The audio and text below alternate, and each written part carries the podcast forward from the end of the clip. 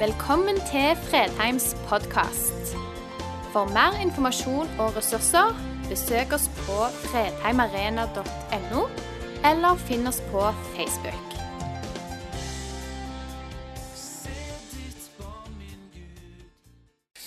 Det var jo spennende å se responsen på Edmund sin invitasjon. Så jeg lurer på om jeg må gå litt lenger bak i dag, bare for å få litt avstand. Men eh, da må dere gjøre dere klar til innbydelsen seinere, for da kan det hende at dere skal helt fram. Det, det kan jo bli en fantastisk spennende gudstjeneste. Eh, jeg har gleda meg fordi jeg vet jeg har noe godt å si. Ikke fordi jeg har noe godt å si, men fordi Guds ord har noe godt å si til oss denne søndagsformiddagen. Men vi skal begynne med en liten sånn tvist eh, som innledning. En psykiater som heter Anne Kristine Bergem, hun sier 'ikke fortell ungene at de kan bli hva de vil'. Er du enig? Altså, Vi har kommet i en kultur hvor på en måte unger får høre du kan bli akkurat hva du vil. Du kan få til akkurat hva du vil. På mandag forrige uke så skulle jeg få lov å sitte på sengekanten til Natalie. Hun er syv år. og Først skal du lese 16 sider av Harry Potter. Det tar jo en evighet. Og så skal du synge x antall kristne sanger, og så skal vi be litt til slutt. Og så sier Natalie det. 'Du, morfar, vet du, nå vet jeg hva jeg skal bli.' Og Jeg ble jo litt spent, for hva ville Natalie si at hun skulle bli? 'Jeg skal bli sangstjerne'. Og da kjente jeg som, som bestefar og morfar Hva skal jeg si til det? Skal jeg si ja, det blir du helt sikkert? Eller skal jeg si det at det, det er mange som har lyst til å bli det, men det er ikke alle som blir det. Det kan jo hende at hun kan bli det. Og jeg skal begynne når jeg er åtte år, sa hun. Og jeg har allerede skrevet min første sang. Så prøvde hun å synge den sangen for meg. Eh, jeg tror ikke hun hadde øvd den inn helt ferdig, for å si det sånn, men hun prøvde. Og så er det noe med dette Kan vi virkelig bli alt det vi vil? Kan ungene våre, med alle de mulighetene som dagens samfunn gir, kan vi love dem det at de skal bli det de vil? Hva skjer når du hele livet har fått høre at du kan bli hva du vil, men det ikke slår til? Da er det fort gjort å skylde på seg selv. Så skriver hun inn i dette symptomet 'generasjon perfekt' at veldig mange unge mennesker sliter nettopp med det at det, er så store forventninger til. Mulighetene er så store. Så kan de høre på foreldre og besteforeldre og høre hvor alt vanskelig alt var før. Eh, og nå har du alle muligheter, men det er ikke sikkert at de kan bli det du vil. Hør. Men alle kan ikke bli akademikere eller kjendiser. Du må heller ikke være noen av disse tingene for å være lykkelig.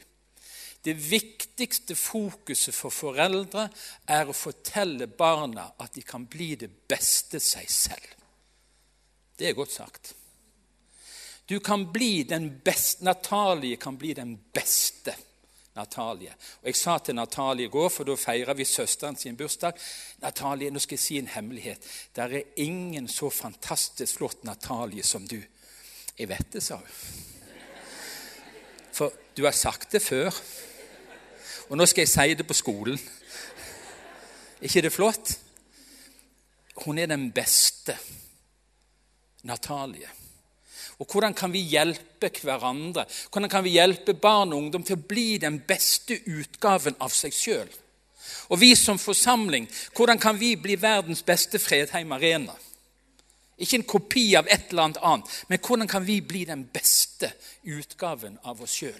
Om det betyr at man får brukt evnene sine ved å være blomsterdekoratør, så er det topp. Ikke alle kan bli helseminister. Det gjelder for voksne også å være tilfreds i tråd med verdiene våre er viktigst. Å styre i en retning man har verdier, er det som gjør deg lykkelig. Så langt psykologen kan sies mye klokt. Og så skal vi spørre er det noe Gud kaller oss til. Gud er vår himmelske far. Gud er vår gode far ved troen. Er, det, er alt mulig når vi tror? Er det sånn at han kan gjøre alt eller er det begrensninger? Ofte når vi taler om kallet, så henter vi fram sånne store personligheter. Når jeg var guttunge, så leste jeg sånne biografier av mennesker som utretta svære ting. Heltene, disse her som du på en måte blir opplært i å få høre om de fikk til det utrolige. Og Paulus er en av disse. Eh, og så blir det sagt til Ananias, men Herren sa til ham, gå, for jeg har utvalgt ham som mitt redskap til å bære mitt navn fram for hedningefolk og konger og for Israels folk. For et kall! Og Paulus gikk inn i det kallet. Og Paulus lykkes i det kallet fordi det var hans personlige kall. Og så er utfordringen at vi av og til, når vi formidler kallet til hverandre, så legger vi listen på disse store heltene. Så spør vi er det et kall til meg. Hør hva Paulus skriver i første Korinterbrev. Se på dere selv, søsken. Dere som ble kalt. Ikke mange vise etter menneskelige mål, og ikke mange med makt eller av fornem slekt. Men det som i verdens øyne er dårskap, det utvalgte Gud for å gjøre de vise til skamme. Og det som i verdens øyne er svakt, det utvalgte Gud for å gjøre det sterke til skamme. Paulus var sterk. Topp utdannelse. Hadde alle fortrinn menneskelig talt. Gud kalte han. Men det er ikke sånn at han kaller bare Paulus. Han kaller vanlige mennesker, og de er det, vi, vi, de, det fleste av oss. Sånne helt vanlige mennesker. Og det er det Gud vil si som et prinsipp. For at Gud alene skal få æren, så trenger han helt vanlige hverdagskristne som han kaller, som han utvelger, som han vil gi et oppdrag. Når jeg var ung kristen, og det begynner å bli forferdelig lenge siden, så hørte vi mye om kallet. Jeg tror det, det, var mye snakk om det før. Det var jo kallet til å bli sykepleier, og det var alle yrker. Da var du kalt til det på en måte. Og kallet til å jobbe i misjonen, det var et sånt kall som for mange av oss først og fremst ble sett på som å gjøre forferdelig mye for Jesus og helst forsake veldig mye for Jesus. Og helst reise til Afrika eller Finnmark. I alle fall ikke der du hadde lyst til å reise, for da var det ikke et kall. Det var liksom noe veldig vanskelig med kallet, og det var noe sånn tungt og noe sånn merkelig. Kallet er først og fremst til Gud sjøl. Det er ikke en oppgave. Det er, ikke, det er ikke en jobb. Mitt kall som pastor er ikke først og fremst det jeg gjør på Fredheim, men det er kallet til Gud sjøl. Andre Samuels bok så står det et flott lite vers. Slik har mitt hus det med Gud. For han har sluttet en evig pakt med meg. Velordnet og trofast holdt. Ja, alt som tjener til min frelse, alt jeg ønsker, la Han spire fram. Gud kaller meg, han kaller meg og mitt hus, han kaller deg først og fremst til alt som tjener til vår frelse. Og Hvis du har si, tilfeldigvis kommet inn på Fredheim denne søndagsformiddagen og ikke frelse, det er det Gud kaller til først og fremst. Han kaller til frelse. Han kaller til etterfølgelse. Og så står det så nydelig. Og dette er en sånn tekst som jeg vet enkelte kvinner irriterer seg grenseløst over.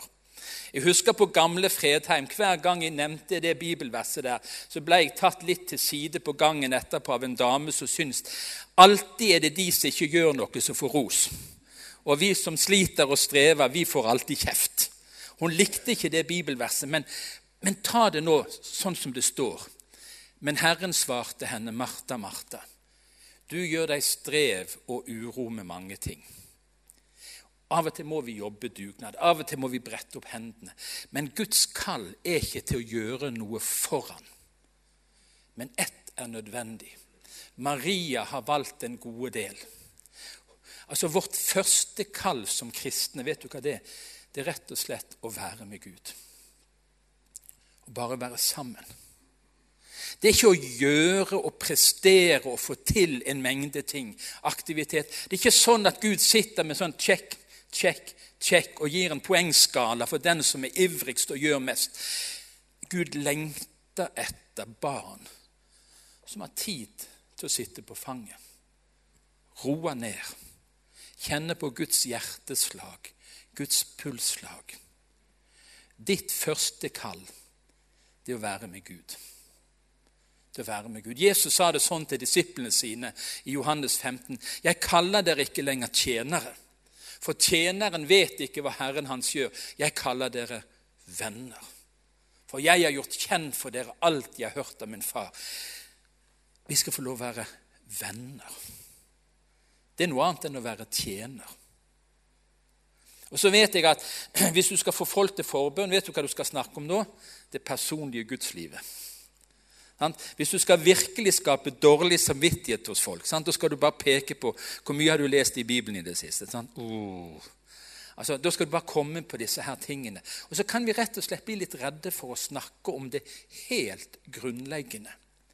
At alt i vårt liv som kristne Alt det vi gjør for Gud, springer ut av det vi er sammen med Gud. Vi kan ikke erstatte gudsnærværet med tjenesten for Gud. Det går ikke an.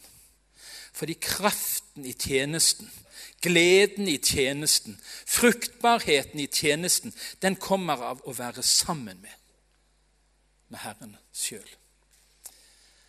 Bibelen er en merkelig bok. Og Nå skal jeg innrømme noe foran forsamlingen. Det er pinlig. Jeg ligger litt på etterskudd i år. Eh, jeg har valgt å lese alle kapitlene, og dermed så nå har han lagt det sånn inn at noen kapitler i Mosebøkene kan du hoppe over hvis du skal lese Bibelen gjennom på ett år. Og Jeg tenkte, jeg skal ikke hoppe over noen kapitler, så jeg ligger noen kapitler på etterskudd. og Det er jo pinlig når jeg er pastor. Men nå har jeg bekjent det, og jeg håper jeg er tilgitt. Er det greit? Sånn at jeg bare får et lite nikk, så, så går vi videre med det. Men kraften i tjenesten den hentes ikke med talekunst. Den hentes ikke med å være oppdatert på alt det siste nye. Kraften i tjenesten. Alle tjenester i Guds rike henter kraften fra en kilde. Det handler om det personlige livet med Gud. Og vi er forskjellige. Jeg liker bedre å lese i Bibelen enn å be. Sånn er jeg. Og noen av dere syns det er mye kjekkere å be. Dere ber så lenge at dere har ikke tid til å lese så mye i Bibelen. Sånn, sånn er vi forskjellige. Og Noen opplever bare det å være stille. Ruslig i Guds frie natur, i bønn og tilbed. Vi er forskjellige i måten vi er personlige med Gud på. Og La ikke dette være en sånn tvangstrøye, men jeg har lyst til å si Gud lengter etter fellesskap med deg. Gud lengter etter fellesskap med deg. Og Nå spør jeg helt konkret er det lenge siden du slapp deg ned fra strevet og kavet og valgte den gode delen. Valgte den gode delen. Da du rett og slett bare var sammen med Gud, ikke for å få noe, men bare for å være det personlige kallet. Den personlige tjenesten vår har sitt utgangspunkt og viktigste sted hos Gud. Og det neste handler om at vi er kalt helt personlig til nære relasjoner. Dette har vi snakket om mye på Fredheim de senere årene. Betydningen av mor og fars tro. Den er helt i en egen hva skal vi si, divisjon i forhold til alle andre påvirkningskilder. Mor og fars tro. Og så betyr besteforeldre uendelig mye. Og Jeg gleder meg hver gang jeg får lov, etter jeg har lest enten det er Harry Potter eller hva det er, og sunget x antall sanger, å legge hånden på hodet etter jeg har bedt, og lyse velsignelsen. For meg er det sterke øyeblikk. Når jeg som bestefar skal få lov for mine barnebarn å nedbe Herrens velsignelse over deres liv. Vet du hva? Det betyr noe. Og dette er mitt personlige kall. Mitt personlige kall er ikke å være pastor på Fredheim. Det å være far. Å leve det ut for mine barn. Det å være bestefar og leve det ut for mine barnebarn, det er det kallet som kommer etter Guds kallet. Først kallet til Gud, og så er de helt nære relasjonene. Og ca. 80% av alle som blir kristne i voksen alder, vet du hva de oppgir som hovedgrunn, altså utenom Jesus? da? Sant? Venner. Venner. Det var en venn som henta de opp. Det var en kollega på arbeidsplassen som var tydelig. Og Jeg har en sånn historie som sitter spikra i mitt minne fra gamle Fredheim, hvor det kom en fyr en søndagskveld som aldri hadde vært der før. Han så ikke ut som han hadde vært der før heller. Og Så fikk jeg snakke med han etter preken, og så spurte jeg kommer du fra. Nei, han kom ifra, bodde en helt annen plass i Rogaland, men det var én kristen dame på jobben. Han var ateist. Han hadde ingen tro på noen ting som hadde med kristendom å gjøre. Men han traff en kristen dame på jobben som var Det var noe med henne. Han ble ikke forelska i henne, bare for å si det. Men det var noe med henne. Og så spurte han hva er det du har. Ja, Jesus, sa hun. Ja, hvordan får jeg det? Da skal du gå på Fredheim, sa hun. Ja, går du på Fredheim, sa han. Nei, jeg går ikke på Fredheim, men du skal gå på Fredheim. Så kom han en søndagskveld. Og I løpet av våren, for dette var om vinteren han kom, så kom han til tro på Jesus. Han ble en disippel som fulgte Jesus. Det var en venn, det var en kollega som var tydelig. Og det, det, det, hvor er vårt første og viktigste kall når det gjelder tjenesten vår? Det er ikke å få en Paulus-åpenbaring om alt det vi skal reise og bety alle andre steder. Vi blir først og fremst kalt hjem. Vi blir kalt nært. Og jeg tror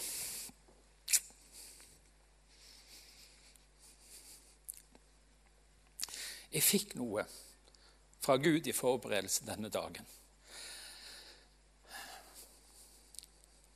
Fedre, våkne opp. Fedre, våkne opp.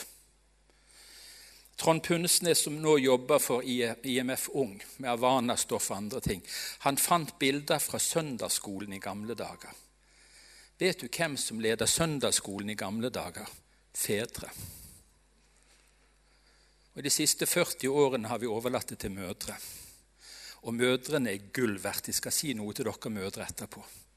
Men fedrene hoppet av, og vi mista guttene. Min søndagsskolelærer i 1966 på eh, barneskolen på Slettebakken, det var herr Kongestøl. Jeg syns han var rett før pensjonistalderen, men han var da far til en i klassen min, så han var kanskje 40 år. Men Kongestøl var hver søndag fra september til juni på Slettebakken i rom nummer to og underviste 70 unger om Jesus i hele min oppvekst. Og når jeg ble for gammel til å følge kongestøl, så ble jeg hevet inn til den eldste gruppen. og Der var det Trygve Hopstad, forretningsføreren, som var søndagsskolelærer.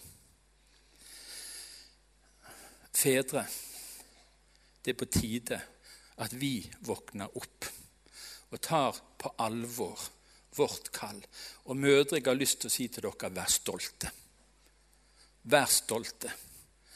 Dere har sannelig gjort jobben, både hjemme og i menigheten, i over en generasjon, hvor fedrene bestemmer i styre og stell, men er for viktige til å ta seg av ungene.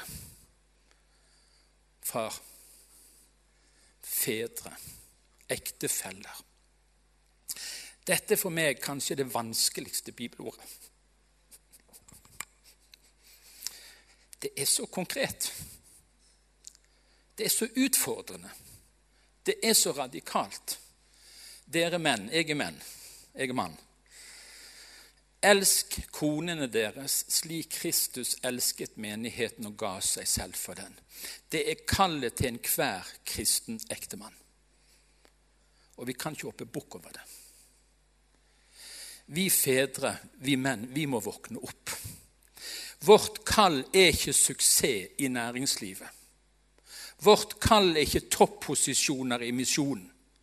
Vårt kall som fedre og som ektemenn, det blir kalt hjem. Å gjøre jobben hjemme. Og hvis du vil være tilsynsmann, så sier Bibelen en tilsynsmann skal være. Og så kommer det bare karaktertrekk fra troverdighet i hjemmet, troverdighet på arbeidsplassen, troverdighet i forhold til de som står utenfor. Karaktertrekk. Det forteller Bibelen oss. Og Jeg tror Gud minte meg om dette denne søndagen, at vi menn, det er på tide at vi våkner opp. Og nå skal ikke, Vi skal ikke ta det åndelige livet tilbake fra konene våre, men vi må på banen. Vi må på banen hjemme, og vi må på banen i menigheten. Han skal vende fedrenes hjerter til barna og barnas hjerter til fedrene, står det. Det er et løfte fra Herren. Han skal vende fedrenes hjerte til barna og barnas hjerte til fedrene. Jeg husker ennå Mine tre barn er litt forskjellige. Ofte nummer én og to litt forskjellig. Og nummer to var gjerne litt mer utagerende. Og det hadde gått en kule varmt.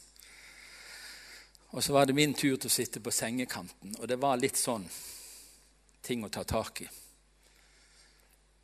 Og jeg fant ut at i, i, i, dag skal jeg ikke kjefte. I dag skal jeg bare prøve å si Skal meg og deg bare være nær hverandre? Og Så la jeg meg ved siden av han i sengen og holdt armene rundt han. Og så kjente vi hjerte mot hjerte. Og så skjer det noe. Når fedrenes hjerter blir vendt til barna, og barnas hjerte til fedrene, da skjer det noe guddommelig, skjønner du. Det skjer noe guddommelig som ikke kan erstattes av aktivitet og av tjeneste i noen sammenheng. Men det handler om å ta Guds personlige oppdrag på alvor til oss menn. Og dere mødre, vær stolte. Vi lever kanskje i noe av det mest barnefiendtlige samfunnet som har vært på lenge. Barna er minst verdt.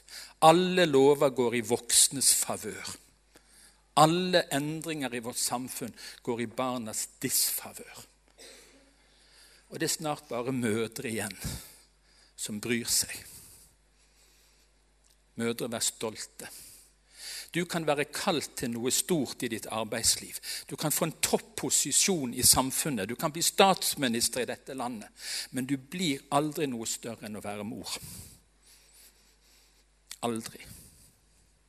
Aldri noe større. Du blir aldri noe viktigere. Du får aldri en større påvirkningskraft av evighetsbetydning for himmelen enn å være mor. Aldri noe større. For en mulighet Gud har gitt deg Det betyr en evig forskjell i mennesker sitt liv. Ved å være mor. Ved å være nær. Ikke alt det du skal gjøre, men bare det å være. Vær stolt. Barn en Guds velsignelse, står der i Bibelen. Og Det er der du har din største innflytelse og din største mulighet. Og Nå vet jeg ikke hvor lenge jeg har preikt.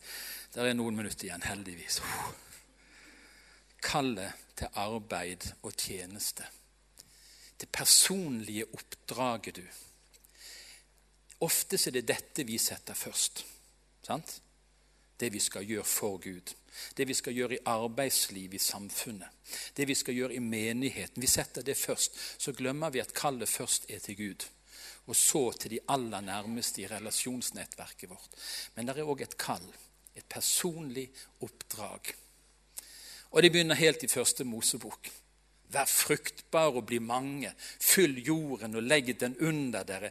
Vi er gitt et oppdrag av Gud sjøl som mennesker, som hans kron på hans skaperverk, å forvalte dette fantastiske skaperverket Gud har gitt oss. Og nå er vi dessverre i ferd med å ødelegge det. Utnytte det. Vårt kall er til å forvalte det. Og la Gud bli æra gjennom vår hverdagstjeneste. For da vi var hos dere, ga vi dere dette påbudet. Den som ikke vil arbeide, skal heller ikke spise. Vi hører nemlig at noen blant dere ikke holder orden på livet sitt. De arbeider ikke, de bare går og driver. Det hørtes deilig ut, som akkurat har hatt noen sånne dager. Det er ikke kjekt for de som har mista arbeidet sitt, for de har for mange sånne dager. Men se på den engelske teksten nederste. They are not Bussy. they are bussy bodies. Det var ikke noe særlig, det var ikke noe eh, skikkelig eh, navn han kunne gi dem. De gjør i grunnen ingenting. Vi er gitt å arbeide. Og I gamle dager så sang vi 'Hverdagskristen vil jeg være'. Syn for segn, det krever Guds ord.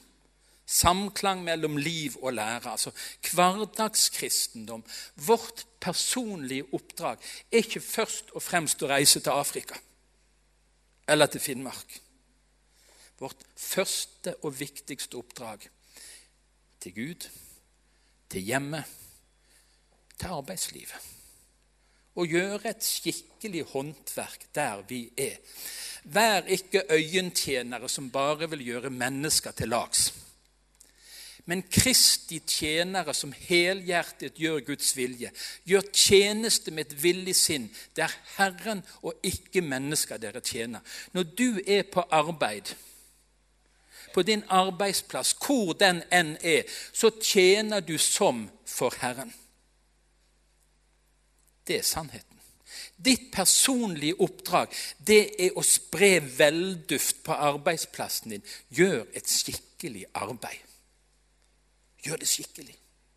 Vis at du ikke er en øyentjener som jobber når sjefen går forbi. Og med en gang går forbi, så, så får du pause til han kommer tilbake igjen. Vi har en Herre å tjene. Ditt personlige oppdrag det gjør et skikkelig grepa stykke arbeid.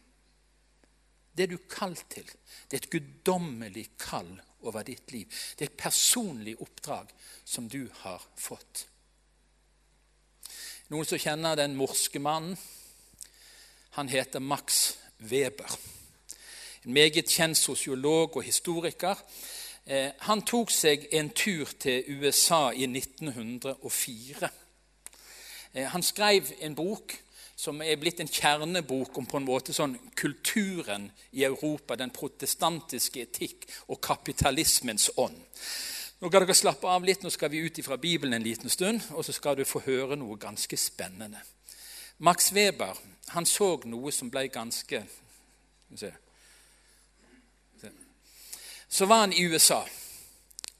Og så så han et eller annet som han ikke helt forsto. For han så hvordan velstandsutviklingen i USA akselererte langt forbi det Europa som han reiste fra. Da Weber reiste forbi, og nå er han på tur i USA for 100 år siden, ble han slått av det store antallet kirker og kapeller som befant seg på et så lite sted. Og han begynte å ane en sammenheng mellom USAs materielle suksess og det vibrerende religiøse livet. Og Så skriver han ut ifra sin forskning eh, at Vestens økonomiske dynamisme var et uintendert kan noen tyde dette på det helt greit, konsekvens av reformasjonen. Han sier at Luthers kallsetikk berga Europas økonomiske situasjon. Luther underviste sine troende etterfølgere at det yrket du har, det er et kall ifra Herren.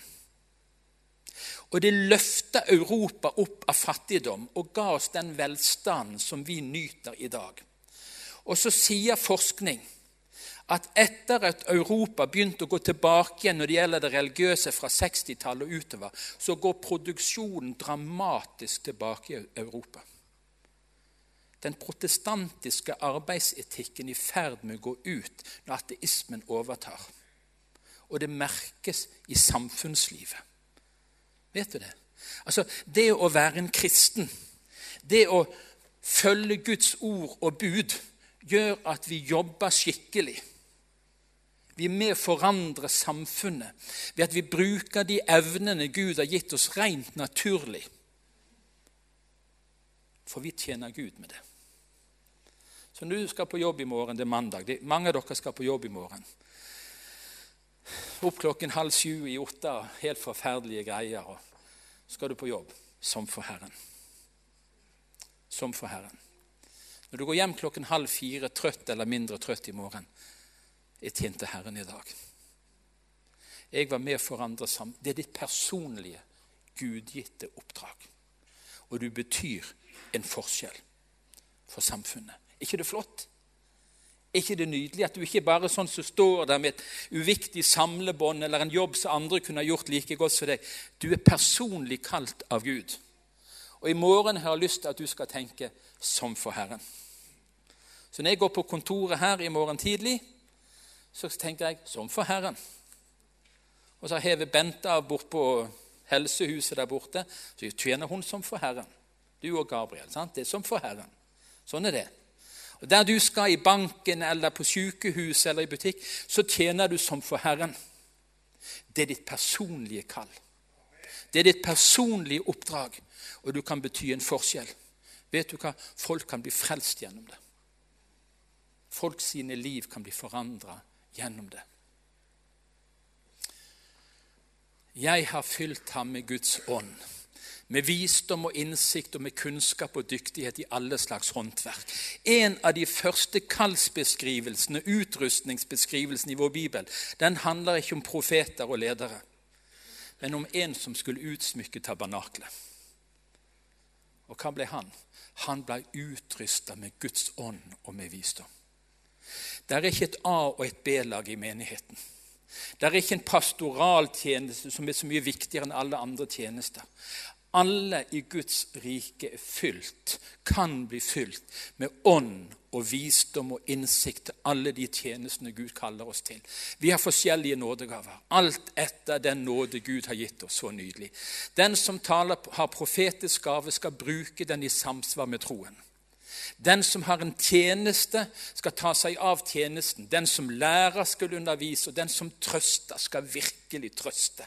Er ikke det nydelig? Det er jo så nydelig. Den som gir av sitt eget, skal gjøre det uten baktanker. Den som er satt til å leve, skal gjøre det med iver. Og den som gjør barmhjertighet, skal gjøre det med glede. Gud har et personlig oppdrag til deg. Og Det har han utrustet deg til med nådegaver. Og der er ikke forskjell. Du skal gjøre det med iver, med glede, med barmhjertighet, alt det som hører til. Så skal du få lov å oppfylle ditt personlige oppdrag, som er gitt deg av Gud. Det viktigste, sa hun, for foreldre, fokus for foreldre er å fortelle barna at de kan bli det beste seg selv. Og Nå skal vi avslutte preken. Og I dag har jeg lyst til å utfordre deg. Og Nå har dere allerede gått fire benker fram. Om dere skal helt opp på podiet, det vet jeg ikke ennå. Det får vi se. Men vil du bli den beste deg sjøl? Kjenner du at det hadde vært befriende og blitt den beste deg sjøl? I ditt hjem på din arbeidsplass og i menigheten. Vi trenger ikke noen som kopierer andre, men vi trenger noen som vil stå på og si 'Jeg vil bli den beste meg sjøl'. Jeg vil bli den beste når det gjelder å lede i barnekirken, når det gjelder å være vaktmester, stå i vertskap og pynte og musikken og sang. Jeg vil bli den beste. Og hva må til da? Da handler det først og fremst det begynner hos Gud. All kristen tjeneste begynner helt nær. Og I dag har jeg bare lyst til å utfordre deg til å si til deg sjøl og til Gud La meg få være nær deg. La meg være, få være sammen med deg. Gi meg lyst til det. Du vet jeg kjemper med det, jeg sliter med det. På den måten du har kalt meg til Gud, kan jeg få være nær deg. Og hvordan er den Gud som vi tror på? All god gave og all fullkommen gave kommer ovenfra. Fra Han som ikke bare er himmellysenes far, men Han som er din far. Hos Han er det ingen forandring eller skiftende skygge. I denne formiddag så har jeg lyst til å presentere deg for en Gud som er din far. Du kan ikke bli alt det du vil, men du kan bli den Gud vil. Du kan bli den Gud vil. Og Denne formiddagen kan du ta et steg inn i det. Og kanskje har Gud kalt noen på en spesiell måte i formiddag til å gå hjem. Eller til å steppe opp et eller annet livsområde. Gud er en forunderlig god Gud. Han er vår far. Og jeg har så lyst til å bli den beste jeg kan bli. Den beste ektemannen jeg kan bli. Den beste faren jeg kan bli. Jeg jobber med å være den beste bestefaren jeg kan bli. Jeg har en drøm om å få være den beste pastoren jeg kan være. Ikke fordi jeg kjenner noe sånn jag eller press, men jeg tror på en far som gir fullkomne gaver. Fullkomne gode gaver. Takk for at du valgte å høre på. Nye opptak legges ut hver uke. Vi har gudstjenester hver helg, og du er hjertelig velkommen.